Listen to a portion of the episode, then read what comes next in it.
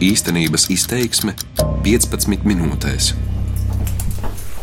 Par to datu aizsardzības regulu skatos. Ka... Izjūtat kādas izmaiņas? Nu, izjūtam, bet nepatīk. Līdz ar datu regulas piemērošanas brīdi izmaiņas pamanījuši arī pacienti. Latvijas radio zināms gan no pacientiem, gan mediķiem, ka arī veselības aprūpes iestādēs datu aizsardzības jautājumiem pievērsta īpaša uzmanība kur agrāk varēja nodot analīzes arī bez pases, tagad pieprasa personu apliecinošu dokumentu. Arī mediķi sūkstās par jaunajām vadības prasībām un bažīgi par iespējamajiem sodiem. Ar ko turpmāk rēķināties pacientiem un vai tiešām zvanot vairs nevarēs uzzināt, ka slimnīcā nonācis tuvinieks? To skaidroju es, Annija Petrova. Slimnīcām datu aizsardzības regula ir papildus aicinājums beidzot jā, pievērst daudz lielāku uzmanību šiem jautājumiem. Zvērināta advokāte Solvita Olsena dalās ar pieredzi.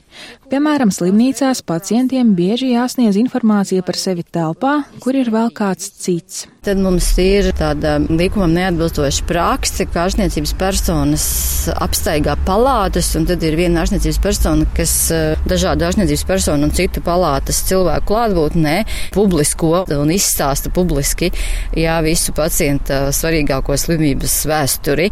Tāpat uzņemšanas nodaļās pacientiem bieži vien nākoties dalīties ar savām problēmām citu pacientu klātbūtnē. Tādi ir uh, regulāri pacienti, cik man ir zināms, manu klientu lietās saskarās ar uh, ierobežojumu, piemēram, skatīties savas slimības vēstures, kamēr viņi ir slimnīcā. Pagājušajā nedēļā konsultēju vienu pacientu, kuram neļāva nofotografēt slimības dokumentus, kuri bija nepieciešami, lai parādītu ārstam konsultantam citā vietā ja tiek prasīti nevajadzīgi iesniegumi un tiek vilkts laiks, lai pacients saņemtu informāciju, kas viņam ir vajadzīga, piemēram, steidzīgi. Olsena turpina uzskaitīt praksi, ar kuru saskārusies. Tas, ka uz eh, darba virsmām ir stāv dokumenti, kuros garām ejot vai nu, turpat blakus stāvot, var redzēt pacientu datus, tā arī ir samērā bieža problēma. Es šāda veida datu aizsardzības riskus un pārkāpumus esmu redzējis ļoti bieži. Un es arī sagaidu, ka nu, kopš regula stājās spēkā, ka regula būs tas iemesls, kāpēc slimnīcas tomēr beidzot pievērsīs lielāku uzmanību. Uz Stradiņas slimnīcas uroloģijas centru atnāku kopā ar klientu daļas vadītāju Dzintru Kļaviņu. Uroloģijas nodeļas virsmāsīm. Iepazīstina ar virsmāsu Ināru Gini. Kādreiz māsu postenī bijušas tāfeles ar pacientu vārdiem un izvietojumu palātās. Tas bija sen atpakaļ, tagad jau labu laiku mums tā vairs nav. Jā. Un tagad jums ir viss elektroniski, un kā jūs atrodat? Māsa atver attiecīgi, kā tas, kā lai pasaka, jā, un tur ir, tur ir tāfeli, kurā mēs redzam, kurā palātiņā, kurš pacientiņš atrodas. Viss Nē. ir slimnīcā, viss ir elektroniski. Un jāsaka, katrai nodaļai ir uh, tikai nodaļas darbiniekiem pieeja, jo, piemēram, ja mēs atrodamies uroloģijas nodaļā, tad visiem darbiniekiem, kas šeit strādā, ir tikai uroloģijas nodaļas pieejas. Attiecīgi, uroloģijas nodaļas uh, darbinieki neredzēs, kas atrodas, piemēram, neiroloģijas nodaļā. Ja? Tad Jā, tikai kas saistīts ar ārstēšanu, nu, šīs nodaļas pacienti. Bet kopumā ar to datu regulu izjūtat kādas izmaiņas savā darbā? Nu, jā, nu, Daudz jārunā ar pacientiem, daudz viņiem jāstāsta, jāskaidro, kāpēc mēs darām tā. Tas ir tas nopietnākais darbs. Nē, es ne visu izprotu. Jā. Kādi ir bijuši gadījumi? Nu, praksē. Nu, tas laiciņš vēl ir ļoti īss.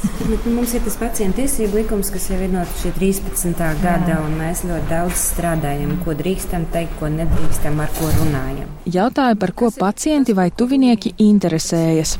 Nu, teiksim, par ārstēšanas gaitu. Mēs neinformējam. Nu, Pietrīgais nāk attiecīgi pie ārsta personīgi un stādās priekšā, kas viņš ir.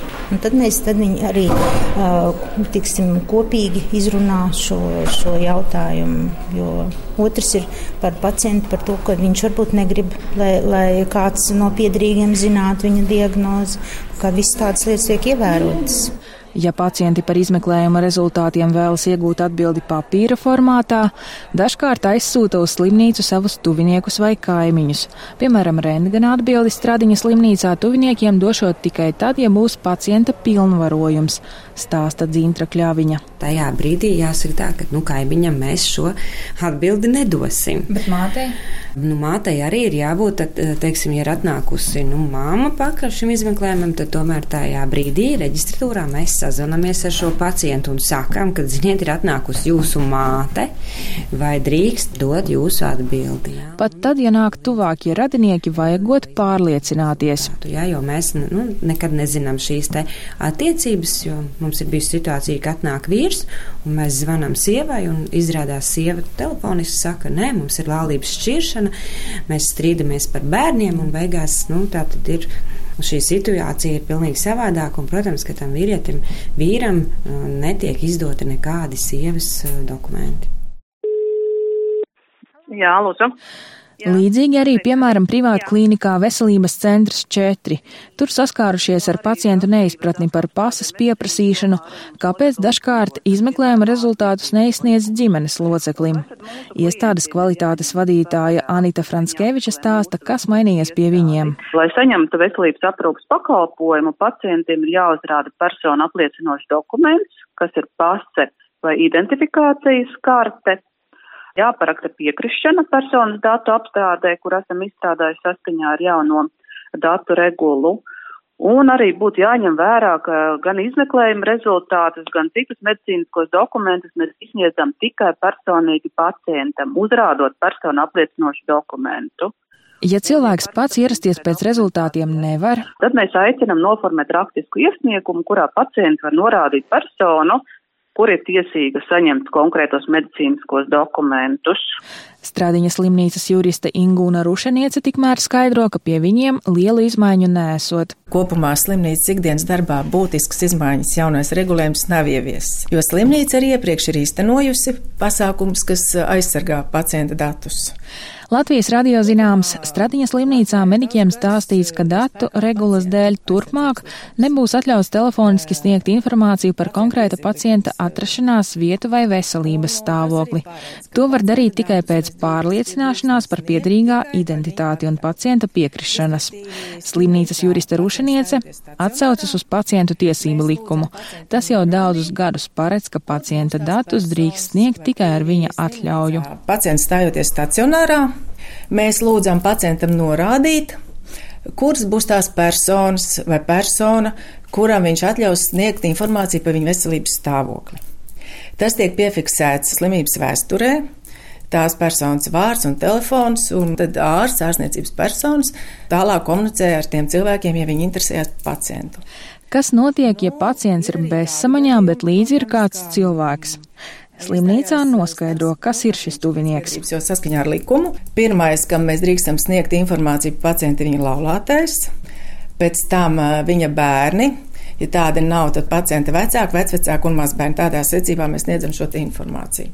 Ja pacients komunicēt nevar, tad šiem cilvēkiem slimnīcā sniedzot informāciju. Protams, ir arī tādas situācijas, kas nevienam nav noslēpums, kam Ja mūsu piedrīgais tuvinieks eh, neierodas mājās, tad eh, sākam meklēt, kur viņš ir palicis, zvanamies pa slimnīcām un, un, un tā.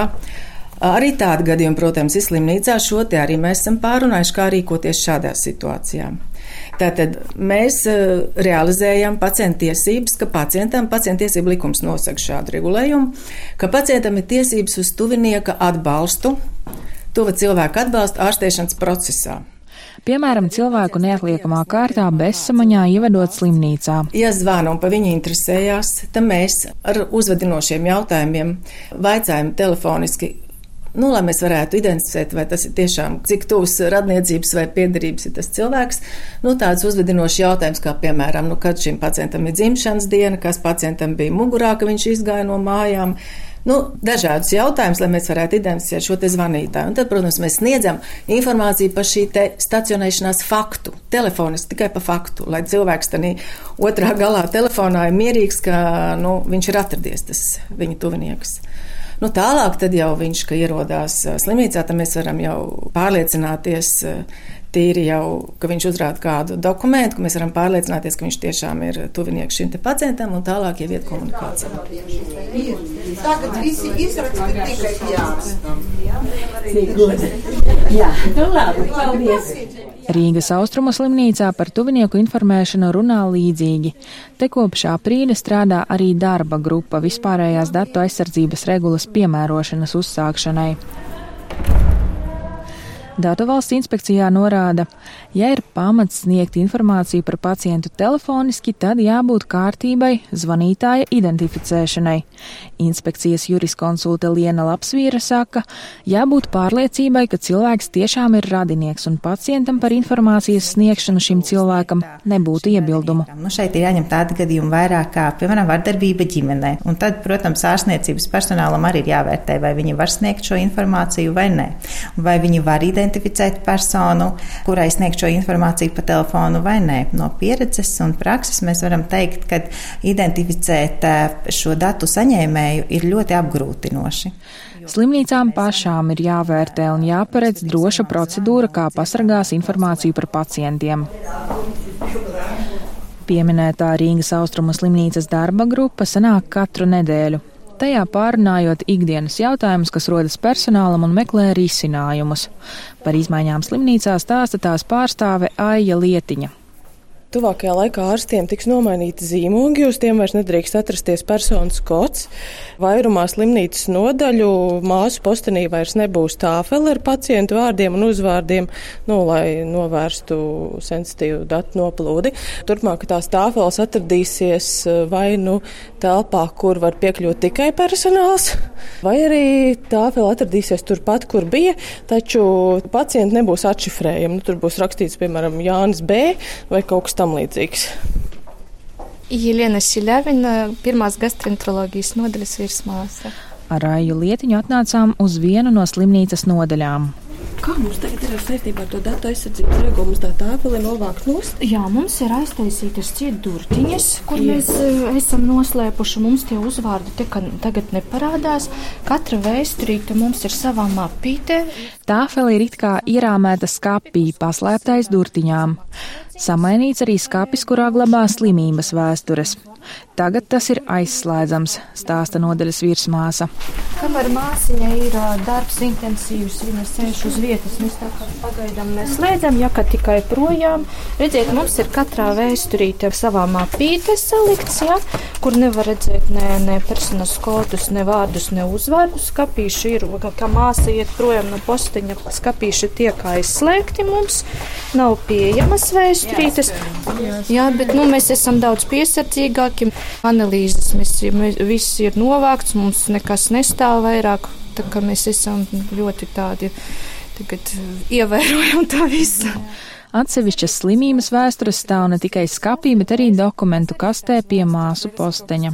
Tas ir vēstures, bet viņas tikai stāv tad, kad māsiņa strādā šeit, kā tikai māsiņa doktors ieliek izlabo ordinācijas, māsiņa izlabo un uzreiz tiek ieliktas zem atslēgas skapī. Viņas tā kā māsiņa nav neviens persona, medicīnas persona, ja nav uz vietas, viņas šeit nestāv. Tā kā darbiniekiem ir daudz jautājumu par datu regulu, slimnīca izveidojusi e-pasta adresi, uz kuru tos sūtīt. Atsevišķu e-pasta adresi izveidojusi arī Stradiņa slimnīca un sagatavojusi informatīvu materiālu darbiniekiem par pacientu iztaujāšanu palātās un rindās uzņemšanas nodaļās vai neatliekamajā palīdzībā. Slimnīcās skaidro, dažkārt var apjautāties par pašsajūtu citu klātbūtnē, taču, kad pienāk rinda, pacientu ieved apskates telpās.